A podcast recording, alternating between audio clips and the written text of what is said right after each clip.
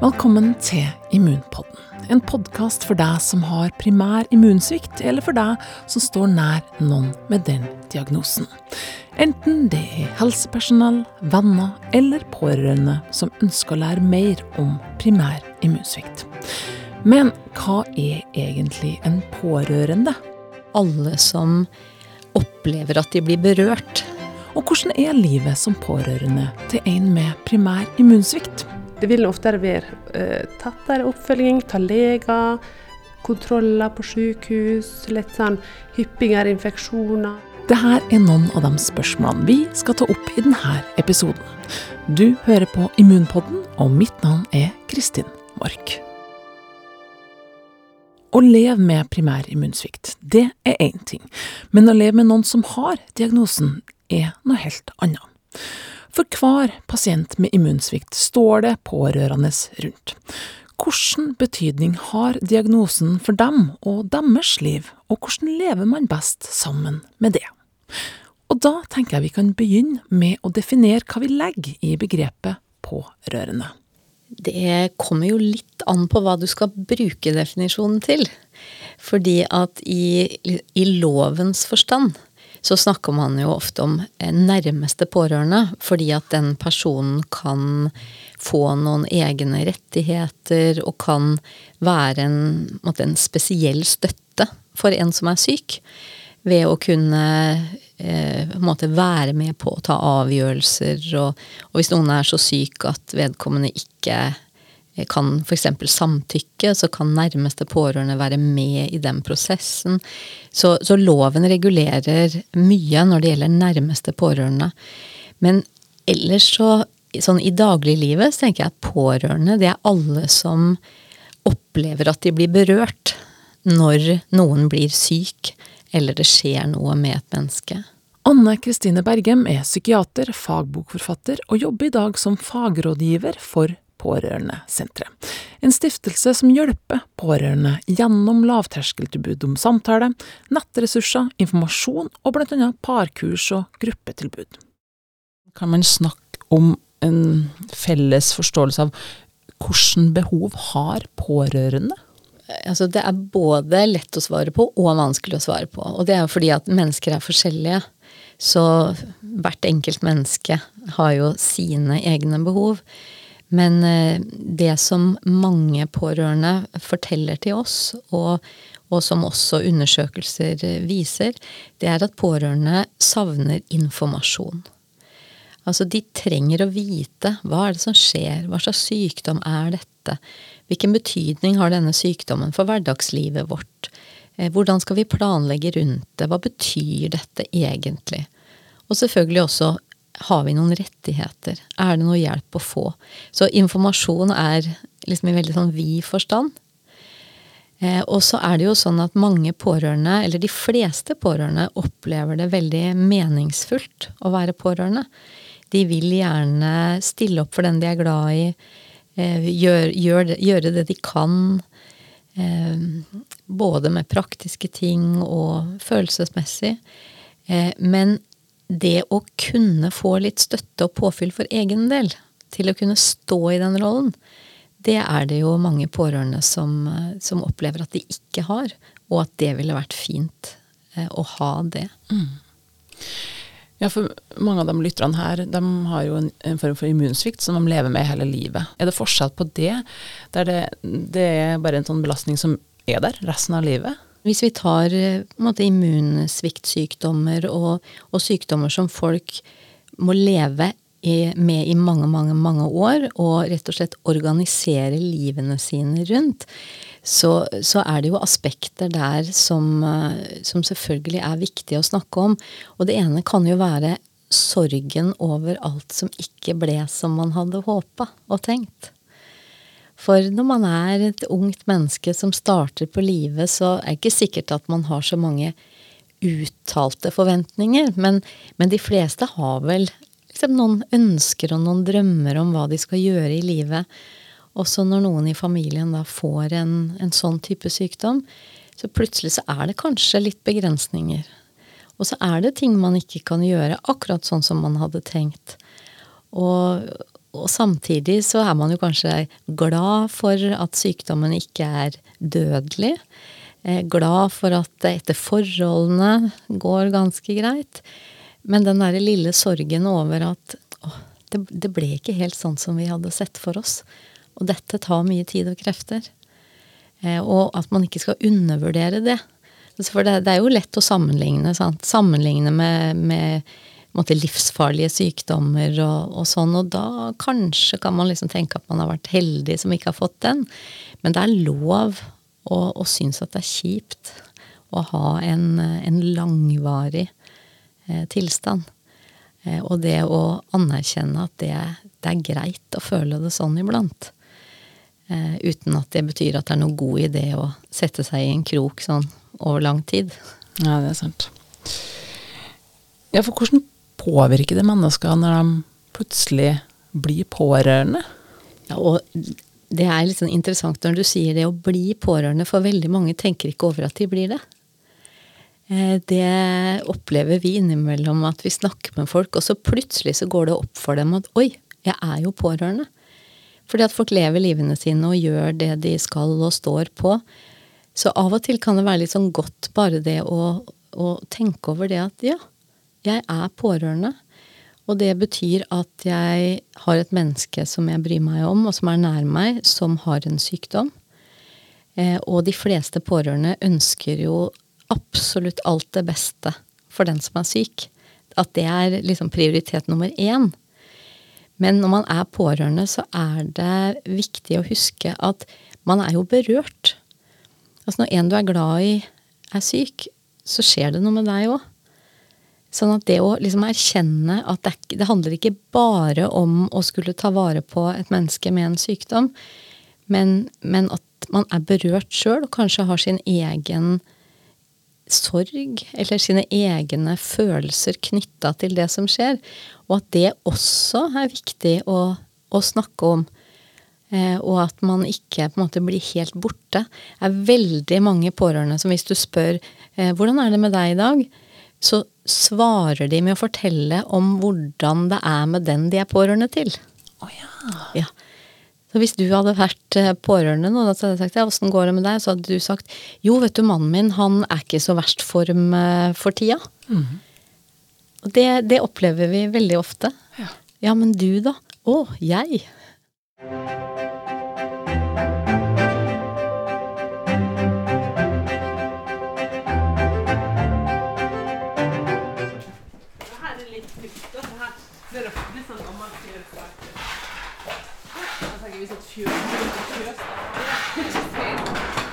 På Vigra, like utenfor Ålesund, viser Sonja Urkedal meg rundt i fjøset på den gamle gården der hun bor sammen med sin mann og deres fire barn. Bare at nå har fjøsen blitt en skatehall.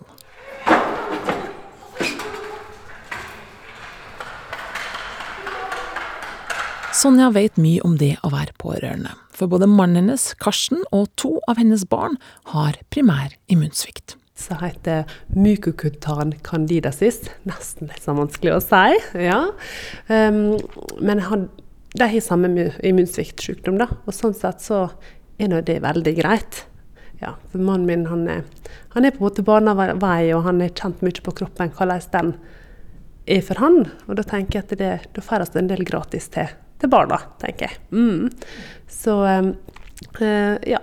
Men uh, det er noe sånn um, candida, som betyr sopp. Så det er veldig lett for dem å få soppinfeksjoner i slimhinne, og kan få litt sånn i hud. Og, ja, så, um, og også at de er lettere for å få autoimmune sykdommer.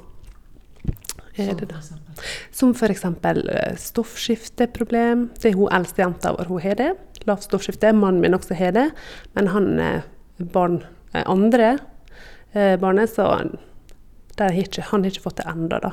Nei. Så um, kanskje det kommer etter hvert. Ja. Og de kan også få diabetes, leddgikt, litt sånne ting, da. Ja. Men eh, ja. Vi kan ikke tenke oss mørkeredde på, på hva framtida bringer. Nei. Men før du møtte mannen din, hva visste du om primær immunsvikt? Ingenting. Nei. Og der, der er nå svigermor. Hun har på en måte vært den som har bana vei. For hun har nå da eh, tre barn med primær immunsvikt. Mm. Så, og der var det litt sånn Der måtte jeg finne opp. Finne veien å gå. Og den tror ikke jeg alltid har vært så lett, da. Nei. Så, eh, så, der kom jeg litt sånn heldig inn, da. Ja. At jeg kan spørre henne til råds, og spørre svigerinna mi, og ja, de andre som har det også, da.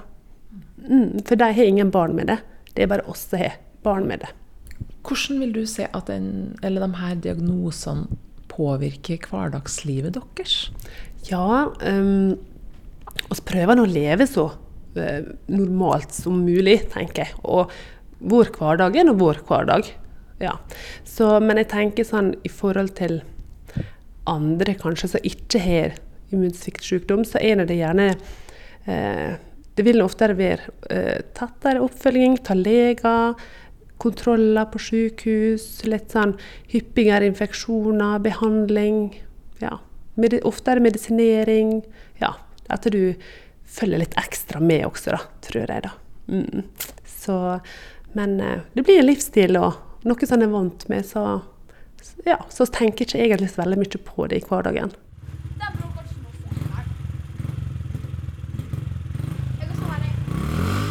Det brummer i små motorsykler og sparkesyklene flyr veggimellom i fjøset. Ute går det islandshester omgitt av vakker natur og masse boltreplass. Hjemmet til Sonja og Karsten må jo være et eldorado for barn. Akkurat sånn som de ønsker det. At eh, diagnoser ikke skal hindre dem i å være aktive. De kjører motocross-guttene, og Magnus spiller fotball. Og de rir, og så er fire hester også, så jentene de rir, og guttene også rir. Og mannen min rir. Så det er liksom om å gjøre å få utforske og utfolde. Og ja, mannen min er veldig opptatt av det. At det ja, mest mulig aktivitet, å være ute og ja, styre på. Så du har fått prøvd det å være det man kaller en pårørende. Hva tenker du når jeg sier det ordet? Ja, pårørende Jeg tenker at pårørende er noen som er nær den det skjer noe med, tenker jeg. Og, og som mor så er jeg kanskje ja, den nærmeste pårørende. Mm. Eh, og det er på en måte å kunne bry seg om noen og være glad i noen. Og ville, ville, ville de det beste, tenker jeg. Så tenker det er liksom min rolle som pårørende. Og så blir det litt sånn altoppslukende når du er mor oppi det hele. For du vil nå være barnas beste. Så, eh, så, jeg tenker jeg er veldig glad for å være pårørende til, til barna mine. da. For jeg vil gjerne at de skal ha det best mulig og ha de eh, beste forutsetningene de kan ha med sine utfordringer. Du har en mann som jobber til sjøs. Så han øh, jobber turnus, er en del borte, og er alene med ansvar for fire barn. Eh, da er du jo pårørende helt alene. Hvordan er det? Ja, det er nå eh, periodevis ganske mye ansvar. Jeg kjenner på det, da. Og så har det blitt litt livsstil også. For det at jeg har hatt det sånn hele tida. Og jeg er vant med også å ha eh, en far på sjøen og, og eh, ja, at brødrene mine også er på sjøen. Ja, så ser mannen det med det. Men det er mye ansvar periodevis, da. Og det er Ja. Men samtidig så har jeg også mye ansvar når jeg er hjemme med, for jeg liker å både følge opp og ha kontinuiteten i det. Og sånn da. Og jeg må nesten det også, for det blir for mye for han å skulle hoppe inn i alt når han kommer hjem igjen. da. Og det tror jeg han er glad for. da. Mm. Så på et tidspunkt så hadde du fire barn mellom ett og åtte, hvorav to hadde immunsvikt. Greier du å huske tilbake til den fasen der? ja, kan hende det er noen sånne svarte høl innimellom, tre. For det var noe ganske hektisk. Og så har du fire som trenger deg, og alle trenger deg på, på hver sin måte også. Så selv om at det er de som ikke har immunsvikt også, alle har sine behov og skal ja, ha en del av dem. Så um, det var noe hektisk, og det er nå fortsatt hektisk. For jeg tenker du, når du har unger, så ja, det er nå en, en, full, en, fulltidsjobb, bare det, da. Mm. Så, um, men at det var Det er nå Ja, ting skjer ofte skjedd når mannen er på sjøen også, da. Det er sånn typisk. Mm. Så, uh, så, da blir det på å, å få kobla på noen besteforeldre som kan hjelpe litt til. og ja, hvis noen har vært innlagt på sykehuset, så måtte noen andre passe. Og, ja. Så det er noe litt sånn logistikk og kabal. Mm. Men det er gått bra. Og, og, du jobber jo redusert. Og da lurer jeg på, er det et bevisst valg som dere har gjort, eller har det bare blitt sånn? Det er et veldig bevisst valg, er det. Eh, med tanke på også at mannen min er mye vekke, og at jeg sitter med ansvaret periodevis helt alene. Og, um, og jeg tenker at man skal ha noe ha litt overskudd til, til, familien. Og jeg tenker egentlig familien og ungene er førstepri.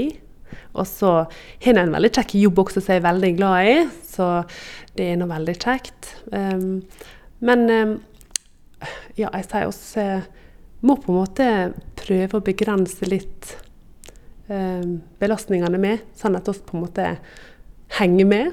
Det er jo liksom livet. Livet er hardt, men uh, de valgene vi har gjort med at jeg jobber litt mindre, tenker jeg at det gagner både meg sjøl og ungene og, og, mannen. Også er veldig enig i det, da. Ja, så det blir sikkert litt lettere å ha med å gjøre. Og ei bedre mor, tror jeg, da. Sonja jobber 70% som helsesykepleier, men det faktum at deltidsjobben hennes går utover pensjonssparinga, det tar hun ikke så tungt. Jeg har nå blitt konfrontert med noen sjefer til det, og da har jeg sagt bare ja, eh, ingen som vet hvordan pensjonisttilværelsen vil bli. Um, det er ikke alle som blir pensjonister en gang heller, så jeg tenker at vi må leve litt her og nå. Og tenke at um, ungene Investere mest mulig i ungene, sånn at de får bli best mulig rusta til å takle sine liv, tenker jeg.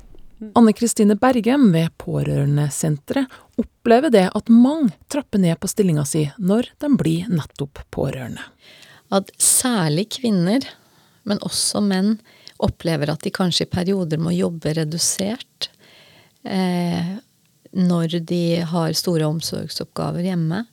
Og, og det å måtte ha muligheten for å få økonomisk kompensasjon for det, eller kanskje også litt sånn veiledning, for dette går jo utover pensjon og alt mulig, og det er jo ikke sikkert at man tenker på midt i en sånn situasjon. Så det også å få litt sånn informasjon om hva er lurt å gjøre nå, og hvem kan jeg snakke med, hvem kan noe om dette? Hvem kan fortelle meg hva som er lurt å gjøre nå? Hvordan kan det påvirke deg som arbeidstaker, og også samtidig være en pårørende? Ja, og Det du tar opp der, det er et veldig, måtte et veldig viktig tema.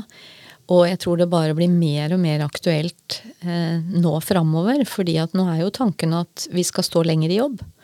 Og så er tanken at færre skal være på sykehus, og de skal være der kortere. Så, så det er jo kanskje et puslespill som ikke helt eh, går i hop. Um, men det å Altså, jeg tenker at alle arbeidsgivere burde ha en tanke omkring dette. Eh, hvordan kan vi være en pårørendevennlig arbeidsplass?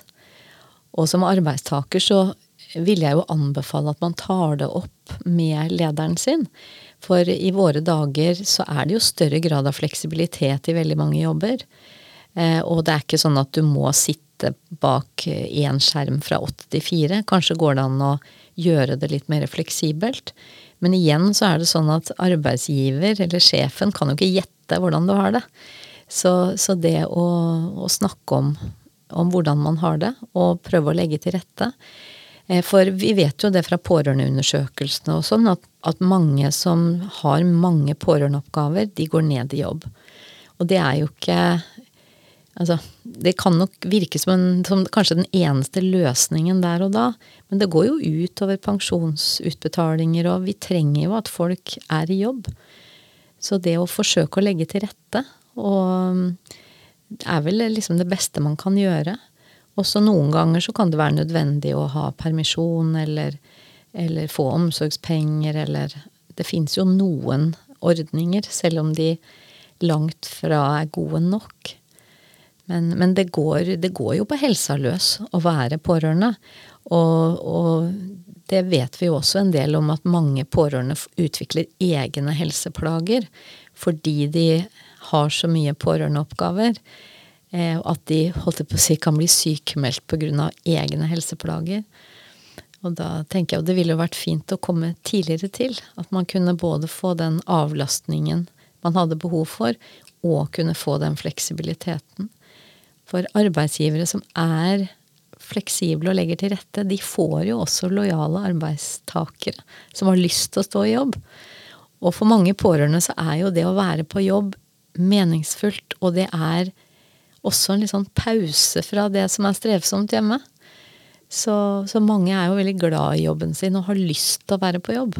Ja, for det er jo en påkjenning å være en eh, pårørende. Men hvordan påvirker det eh, parrelasjon? Ja, og det er jo mange måter det kan påvirke på. For det kommer jo litt an på? Er man foreldre til et felles barn med en sykdom, eh, så kan det jo påvirke på den måten at man får litt lite tid sammen som kjærester. Og så blir man på en måte gående der på skift som sykepleiere, eller at, at, det er det som blir prioritert. Og da kan, jo, kan jo parforholdet skrante litt. Så det er bl.a. grunnen til at Pårørendesenteret har eh, tilbudt eh, parkurs. Eh, sånn at foreldre som har en felles pårørendesituasjon, kan komme bort og snakke med andre i samme situasjon, ha litt tid sammen, reflektere litt sammen over det som, over det som skjer. For alle vet jo at parforhold må pleies uansett, men det kan være litt sånn trange kår for den pleien når man har eh, store pårørendeoppgaver. Så det å, det å ja, snakke om det og reflektere om det, og, og, faktisk ha en sånn bevisst tanke om hvordan skal vi ta vare på forholdet vårt. Og så er det jo sånn også at hvis den ene i parforholdet er den som er syk, så er det jo like viktig å snakke om det. For det kan jo fort bli litt sånn ubalanse og, og, det er ikke alle kanskje som syns det er like lett å kombinere det å f.eks. være pleier og det å være kjæreste. Mens for andre så vil det være naturlig å være pleier når man er så nær hverandre. Eh, og det er det jo bare det paret som kan svare på. Men jeg tenker at f.eks. helsepersonell som kanskje om det er fastlege eller hvem det er som følger opp den som er syk, kan gjerne være med på å, å ta opp disse temaene. For, for, i en slitsom hverdag så, så, kanskje man ikke kommer på at man lurer på det engang. Mm, ja, det er veldig godt poeng. Én ting er jo å være pårørende som voksen, men hvordan er det for et barn å være pårørende? Ja, og barn som pårørende er jo et tema som jeg har vært spesielt opptatt av i, i mange år. Eh, og det er jo et relativt nytt eh, begrep. Barn som pårørende kom jo inn i lovverket først i 2010. Og søsken først i 2018. Eh, men det som er eh, Vi må vel kunne si det nå, at det er hevet over enhver tvil at sykdom i familien eh, påvirker barna. Og at barn må eh, altså Man må anerkjenne at barn blir berørt når det er sykdom i familien. Og barn trenger å få høre det. At når det skjer noe med mamma eller pappa eller bror eller søster, så skjer det noe med deg. Altså at, at vi, må, vi, må, bekrefte overfor barn at det er klart at dette berører deg på en eller annen måte. I større eller mindre grad. Og så trenger barn også informasjon. Og de trenger informasjon om sykdommen. Men enda mer på hvilken måte sykdommen påvirker den som er syk. Og hvordan det da arter seg i eh, hverdagslivet. Eh, for når man er voksen, så er det kanskje liksom opplagt at ok, hvis du har den sykdommen, så kan du ikke gjøre det, eller da er det ikke så rart at du er sliten. Men det skjønner jo ikke barn eh, hvis ikke de blir fortalt det. Eh, og barn er jo sentrum i sitt eget univers. Så når det skjer noe, så vil barn relatere det til seg. Sånn at hvis man har en mamma som uh, må ligge i senga og, og, hvile seg, så kan jo barnet fort tenke at det er fordi at mamma blir sliten av meg, fordi jeg bråker, eller fordi jeg ikke er flink nok til å hjelpe til. Så, så for å hindre fantasier og spekulasjoner og, og ensomhet hos barn, så må man gi informasjon om disse tingene. Og så er det også viktig at eh, andre trygge voksne i barnets liv vet at det er noe som skjer i familien. Sånn at hvis man har en, en sykdom da, som gjør at uh, eh, f.eks. mamma har litt begrensa krefter i hverdagen, så er det greit at læreren vet det. Sånn at hvis barnet har en periode hvor det er litt tøft, at istedenfor at man får sånn 'Å, har du ikke gjort leksene i dag?' så kan man heller mø bli møtt med forståelse og si 'Er det litt ekstra strevsomt hjemme nå?' Og igjen, lærere vil jo det beste for barna, men de heller er ikke tankelesere. Så de er nødt til å få den informasjonen for å kunne stille de oppfølgingsspørsmålene og, og bidra til å støtte barna.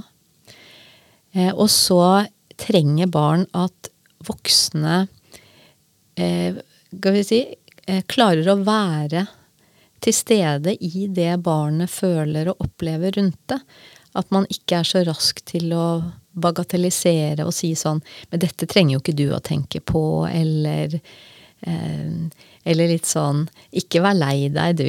Altså, jo, hvis du er lei deg, så vær lei deg. Og så kan jeg sitte her sammen med deg. For det er ikke farlig å være lei seg. Og det er faktisk ganske normalt og naturlig å være lei seg når noen du er glad i, er syk. Så det å liksom anerkjenne at de følelsene som barna har, det er naturlig. Eller hvis barn bare sier 'jeg orker ikke snakke om det'. Nei, vet du, det skjønner jeg godt. Eh, jeg kommer til å ta det opp igjen om en stund, for da kan det jo hende at du kanskje har lyst til å snakke om det seinere. Men at liksom alle reaksjoner er naturlige, og det trenger barna å erfare at vi voksne tåler. I familien Urkedal er det to barn som både har en far med primær immunsvikt og to søsken med samme diagnose. Merker Sonja at de òg er pårørende oppi det her? Ja, og barn er nå veldig ekte, og de lever her og nå. Og heldigvis så har vi en ganske sånn åpen dialog der at vi er vant med å snakke om det meste, egentlig. Og det er litt sånn um, mening, eller det er hele tida vår plan også å prøve å kunne ha et åpent forhold med ungene. Sånn at hvis de lurer på noe, at de kan komme og spørre, eller at vi kan snakke om eh, vanskelige ting. Eller, ja. Og dette er nå også litt med at jeg er bevisst i jobben, men også det å kunne snakke eh, om alt. Mm. Men det har nå eh, opplevd at far har blitt periodevis eh, ganske syk og måtte være vekke på sykehus pga. immunsvikta. og og, og, det å kunne snakke med dem om det, og kunne på en måte prøve å være eh, rolig som mor, på en måte. Og jeg ser at dette her med um, Og det er av og til vanskelig at du på en måte skal, eh, som, som omsorgsperson og som pårørende, skal, må være rolig og takle ting for at det, ungene dine også skal på en måte kunne synes det er greit, og, og prøve å ta det rolig. Mannen din ble innlagt med en ganske alvorlig lungebetennelse. Og da kan man jo som kone generelt få panikk. Men samtidig så har du noen barn du skal ta vare på samtidig som du er nærmeste pårørende. Hvordan er det? Nei, det er litt vanskelig å svare på. Men ja. ja. ja. For da må du ta hensyn begge veiene. Mm, ja, må det. Og at ungene plutselig kan komme med et, svar, et, spørsmål og et svar så de kanskje har tenkt på. Så, ja, så prøv å svare så godt han kan på det uten å, å, legge over bekymringene dine på ungene dine, f.eks. Eh, for de, de, trenger ikke det. De på en måte skal ta det litt sånn i deres sitt eh, tempo på, og deres sitt nivå. da. Så det er en sånn balanse som alltid foreldre stendig tenker, da.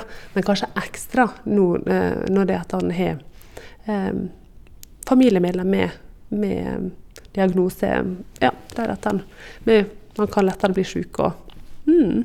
Du ser at du ser på alle ungene dine som friske, men i summa summarum så har to av dem en eh, immunsvikt, og to av dem er friske. Hvordan unngår man å forskjellsbehandle da, eller er det umulig?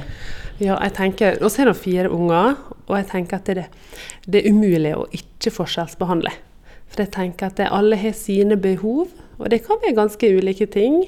Eh, men så er det noen ting som du kan møte, møte deg på på samme måte. Så um, litt forskjellsbehandling, det vil det bli. Og det har vi hørt litt fra de søsknene som ikke har immunsvikt, at det, det, er urettferdig at de får reise til Oslo på Rikshospitalet, og de får flyge litt mer og, og sånn og sånn. da. Så, men vi har av og til prøvd å ta dem med oss, sånn at vi gjort det til familieting. Eh, og av og til så må de rett og slett være hjemme og, og gå på skolen og, og gjøre det som de gjør til vanlig. Så, eh, og så heller prøve å snakke om det, forklare litt hvorfor det er sånn. Og så prøve å møte dem på og Bruke litt tid på hver og en de andre da, når du ja, porsjonerer seg ut litt til alle. Mm. Jeg hører jo at eh, du, du, ønsker og du bruker mye tid og krefter på at alle skal ha det bra, og på, og på å følge opp, og, men eh, hvem tar vare på deg når du holder på å ta vare på alle andre? ja, det er alltid et spørsmål når man er i småbarnsfaser. Men eh, jeg tenker dette her med å ta vare på seg sjøl. Um, man må prøve på det i hverdagen, litt sånn innimellom. Og kanskje jeg og mannen min snakker litt om dette. Det er, det er, kanskje ikke disse her nå, eh, langhelgene til eh, store byer og sånn, men kanskje det å kunne sette seg litt ned i hverdagen. og et kvarter, 20 minutter til å ta seg en kaffe i lag og bare planlegge litt i lag. Og på en måte ikke ha så store ting um, um, å skulle gjøre da, som par, kanskje. Eller for meg sjøl, eller ja, litt alenetid. Og prøve å sette pris på de små tinga i hverdagen. Det å kunne kjøre en bil, eh, en biltur f.eks. også. Men også tenke kvalitetstid for meg, det dette med å kunne gå på jobb også er veldig kjekt. Og ha litt alenetid og gjøre på litt andre ting. Og så gleder jeg meg til å komme hjem igjen til familien og ungene. Mm. Og det å senke forventningene og krav til deg sjøl. For oss er bare mennesker, og eh, oss klarer ikke alt. Sjøl om vi skulle ønske det av og til. Så eh, aksepter at det kan flyte litt over, og, og at den ikke hele tida skal være perfekt. tenker det. Sånn er det. Vi er mennesker, og det er litt viktig å, å kunne ja, akseptere Ja, snakke om det. og og ja, så snakke om det med vennene dine, om at livet er litt opp og ned. At du har noen sånne her kanaler du kan lufte litt frustrasjon og bekymringer. Og ja, livets type side av og til. Mm. For Anne Kristine Bergem er det viktig å presisere at pårørende må huske å ta vare på seg sjøl òg. Fordi at når noen har en, eh, en, sykdom som varer i mange år, og som noen ikke blir frisk av, så er det jo en situasjon man skal leve med over mange år. Eh, og da må man jo finne ut hvordan, hvordan kan man eh, leve sånn at man orker å være i den eh, situasjonen, da, over lang tid. Og da blir det jo litt sånn som den derre si, Når man er på fly, sant, så sier man jo da ta på din egen oksygenmaske før du tar på den andre sin. Og det er jo et ganske fint bilde på hvordan det er å være pårørende. At man er ikke så veldig mye til hjelp for noen som er syk, hvis man blir utslitt sjøl. Eh, og jeg tror jo at det, det, er godt ment, men av og til så sier man jo til folk nå må du ta vare på deg selv, da. Ja, hva, gjør, hva er det egentlig? Å ta vare på seg selv? Jo, det er jo å gjøre noe som er bra for en sjøl. Og for noen kan det være å, å, ha en hobby. Altså at uansett hvor syk noen i familien er, at en ettermiddag i uka så gjør man sin egen ting sammen med noen andre. Og så hvis den andre ikke kan være alene hjemme, så får man ha noen andre der. Men altså til at man gjør litt sånn sin egen ting som gir påfyll, som gir energi, som er stimulerende, som tilfører noe. Og det kan være selvfølgelig litt sånn tøft å tenke at man skal prioritere seg selv framfor den som er syk, men det er jo også for å holde i, i det lange løpet. Så det å gjøre Altså gjøre noe som man liker. For noen kan det være trening. For noen kan det være å holde på med en kunstnerisk aktivitet. For noen kan det være å gå i en, uh, i en sånn lesegruppe eller bokklubb eller Altså, det spiller ikke så stor rolle hva det er, men at det er noe som man gjør for sin egen del. Og så vil jeg nok si at pårørende er kanskje litt for lite flinke til å be om hjelp. Og det sitter langt inne. ikke sant? Det er et sånn ideal at man skal klare seg selv, og at man skal klare alt og stå på og være sterk. Men det gjør jo at andre ikke skjønner at du kanskje hadde trengt litt hjelp. Og så er det jo det at telepati det er liksom overvurdert som kommunikasjonsform. Så hvis du trenger hjelp, eller ønsker hjelp fra noen, så må du faktisk si det. Og hvis man først sier det til venner eller andre i familien, så er det overraskende mange som faktisk har veldig lyst til å hjelpe til. Men andre folk vet jo heller ikke hva de skal si, hva de skal gjøre. De vil ikke trenge seg på. De vil ikke bidra til noen sånn stakkarsliggjøring. Og så blir det til at noen sitter der og trenger hjelp og ikke ber om det, og noen ønsker å gi hjelp, men tør ikke å spørre. Så si det høyt. Og da har du en tøff periode i, med sykdom i familien. Si på høstens første foreldremøte at dette året kommer det ingen kaker fra oss til noen møter. Sånn er det bare. Håper noen andre kan bidra med det dette året. Kanskje kommer jeg sterkere tilbake neste år.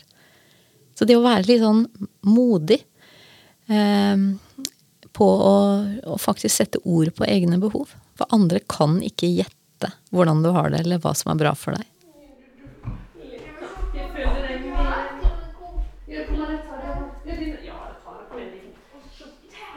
En mann som jobber på sjøen. Fire barn, hvorav to har primær immunsvikt.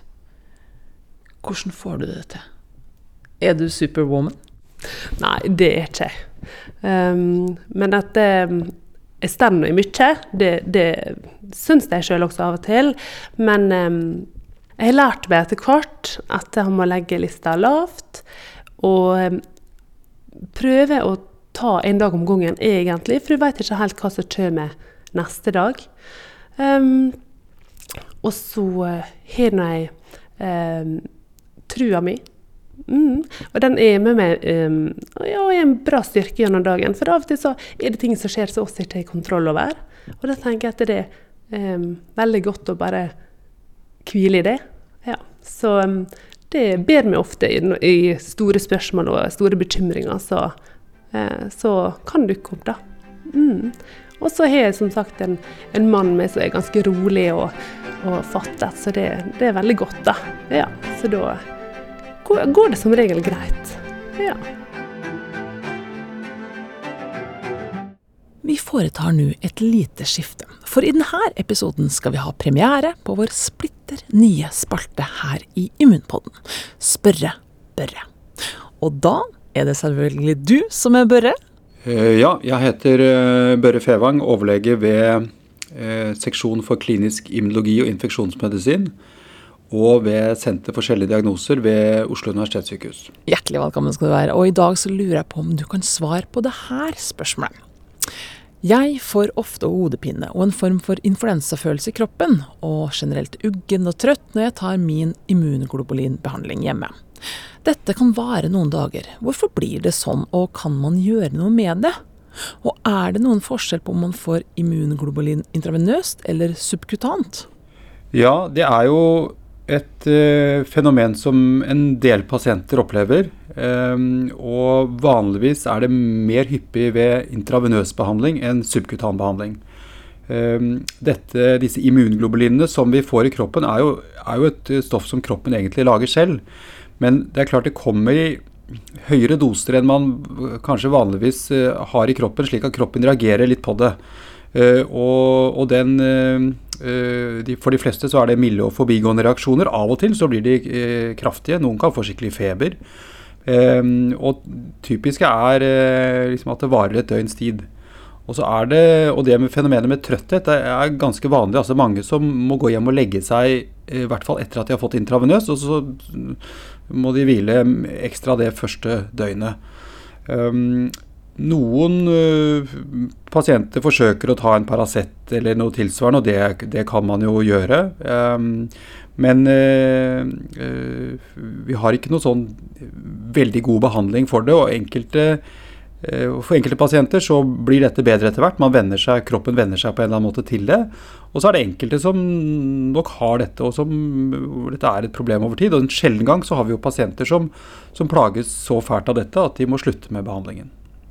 Oi. Eh, får jeg da spørre, hva, hva, hva gjør man da, hvis man må slutte med behandling? Nei, det er, jo en, eh, det er jo et dilemma for disse pasientene som jo har nytte av behandlingen. Eh, og, og, da blir de jo mer sårbare for infeksjoner enn de ville vært hvis de kunne fortsatt på behandlingen.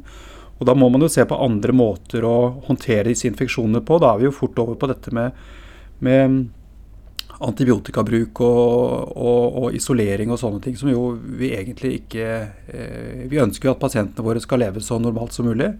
Eh, men en sjelden gang så, så står vi litt i, i Eller står pasientene litt i en knipe der, altså. Tusen takk til deg, Børre. Du blir med oss òg i neste episode, der du skal få svar på et helt nytt spørsmål. Men har du som lytter et spørsmål du ønsker å stille Børre, send det til oss på e-postadressen redaksjon.norge krøllalfa cslbering.com. Jeg gjentar den, jeg. Redaksjonen.norge krøllalfa cslbering med h, punktum kom. Der kan du òg sende tips til episoder og tema som du ønsker å høre på. Det var det vi hadde i Immunpodden for denne gangen. En stor takk til Sonja Ørkedal med sin familie som har stilt opp for denne episoden, samt en stor takk for Anne Kristine Bergems verdifulle bidrag. Mer info om primær immunsvikt finner du på NIF sine sider, immunsvikt.no, eller på sjelden.no, Nasjonal kompetansetjeneste for sjeldne diagnoser sin nettside. Ønsker du å komme i kontakt med Pårørendesenteret, så finner du dem på parorendesenteret.no, eller ta kontakt på telefonnummer 90 90 48 48. Immunpodden er snart tilbake med nye episoder, og i mellomtida finner du oss der du hører på podkast eller på immunpodden.no. Mitt navn er Kristin Mork, og jeg vil til slutt takke CSL Bering som har gjort denne podkasten mulig.